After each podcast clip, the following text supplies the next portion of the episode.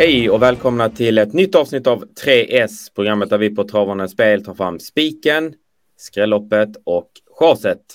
Med mig för att reda ut hur vi tänker på Travande Spel har jag min kollega här, eh, Fredrik Lindman. Hur är läget? Det är bra. Riktigt taggad för en ny V75-omgång. Ja, ja men det förstår jag. Vi hade ju bra framgångar i, eh, i onsdags. Vi eh, mm. rekommenderar ju spik på Bottnas Justin och eh, chasade bort Fortnite. Var inget snack om saken. Eh, visserligen gjorde Fortnite bort sig med galopp, men eh, det visste han vi. inte i alla fall. Exakt, det visste vi. Det visste vi. Ja, ja. Nej, men bra, eh, bra form på oss och eh, vi hoppas ju såklart att vi eh, behåller denna när vi går vidare till Östersund som är V75-banan. Ehm, har du hört något om förutsättningarna där, Fredrik? Nej, eller det är väl som varje vecka. Man, det är olika förutsättningar beroende på vem man pratar med. Vädret går liksom upp och ner och det är varmt och så blir det lite kallt och så men ingen vet någonting egentligen. Så att, eh, det är svåra tider att vara spelare och det är säkert väldigt svåra tider att vara aktiv också och, och veta hur man ska förbereda och, och för balanser och sådär. Precis. Man får väl hålla lite utkik. Vi har ju live-rapportering som vanligt från 13.00. Se om man kan kanske reda ut det lite där. Men eh, med det sagt, ska vi köra igång 3S? Det tycker jag. Då börjar vi. Här kommer som vanligt spiken.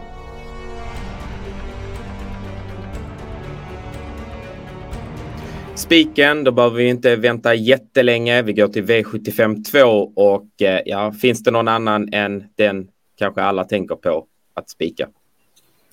Nej, nummer fyra Chitchat. Daniel Wäjersten har ju väldigt förspänt omgången, har många bra chanser, men undrar om inte Chitchat nummer fyra V752 är den bästa.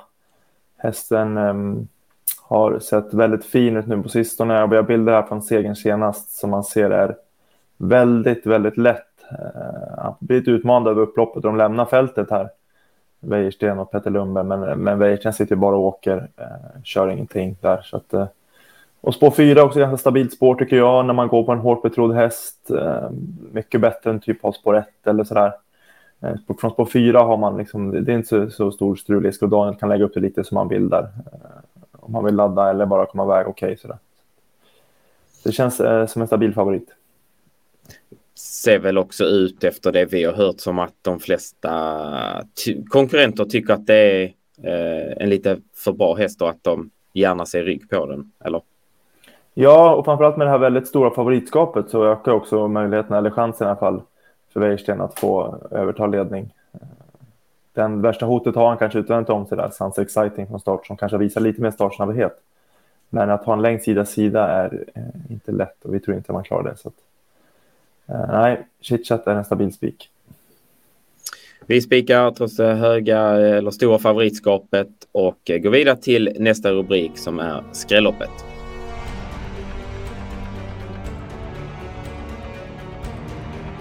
Skrälloppet, då går vi ytterligare en avdelning fram, rättare sagt V75 3 som är ett sprinterlopp här, klass 1-försök. Eh, Fredrik, red ut hur vi tänker här. Ja, det är eh, ett kort lopp med bil och det låter som att flera är sugna på att ladda. Det håller inte det högsta klasset här loppet, så att många ser sin chans här att kanske kunna vinna ett lite enklare lopp då, om man säger på V75. Um, vilket gör ändå att det kan ske lite oväntade saker och några kör lite överförfriskat sådär. Uh, det, det är väl det som är grunden egentligen till att vi tycker att det är ett skrällopp. Uh, det finns stora möjligheter att det kan hända oväntat här. Mm, vi har en eh, favorit i nuläget i sex Born Dominion. Rätt eller fel eller? Ja, men jag tycker nog kanske att det är rätt eh, att han är favorit. Eh, vi, har, vi har ju tippat honom etta också. Det var faktiskt jag som tippade i loppet också. Eh, jag tycker han har varit bra på sistone. Eh, ganska allround, men det är liksom en sjuåring som eh, inte har radat segrar så här på V75 tidigare. Och spår 6 på eh, kort distans där många ska ladda, liten risk för vingel och sådär. där. så att, ja men en, en, rätt favorit, men man ska gardera här.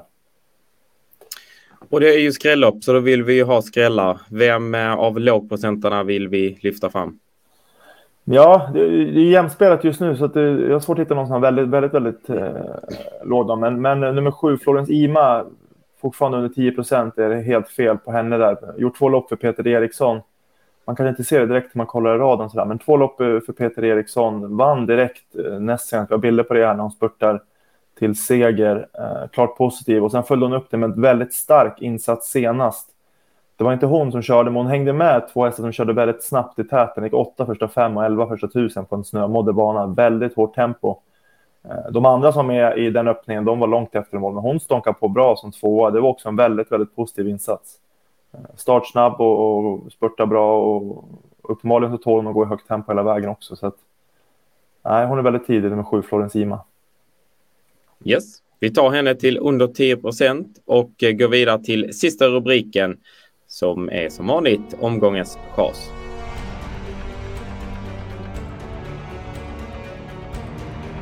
Omgångens chas, då får vi backa bandet igen. Vi håller oss till början av kupongen. Rättare sagt V75 1 där en, ja vi har flera jämspelade hästar men en ska väl kanske inte vara så betrodd enligt oss. Vem?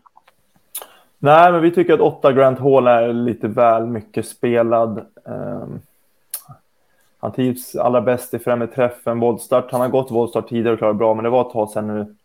Eh, men har inte heller varit som bäst på sistone och uppenbarligen så är han ju allra bäst eh, barfota bak. Trots att han har gått okej okay med skor runt om han på sistone så har det inte varit riktigt samma som när han går barfota bak. Eh, och jag vet inte, jag tycker att han lever lite på gamla meriter och han blir lite väl mm, han blir spelad nästan lite hela tiden på sitt namn där utan att han egentligen har levererat.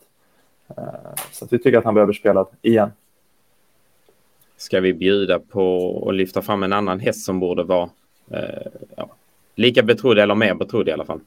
Ja, det är några hästar i det här loppet som sticker ut och en bra lösning då kan ju vara att gå kort då, att exempelvis plocka bort Grant Hall som man tycker är överspelad och kanske ta en, kanske låsa på två hästar. Och första hästen som vi har är nummer fyra, Arras Beluga Wine. Den tycker jag absolut inte att man ska lämna utanför.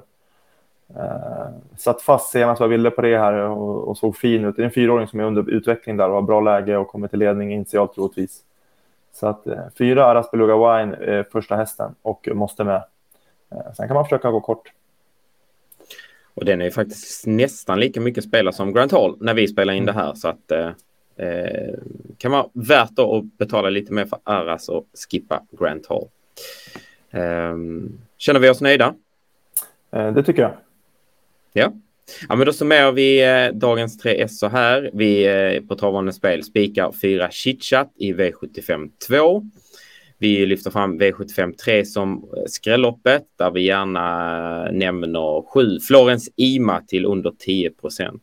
Och så har vi omgångens chans i V75 1 där vi tycker att 8 Grant Hall har för mycket streck på sig.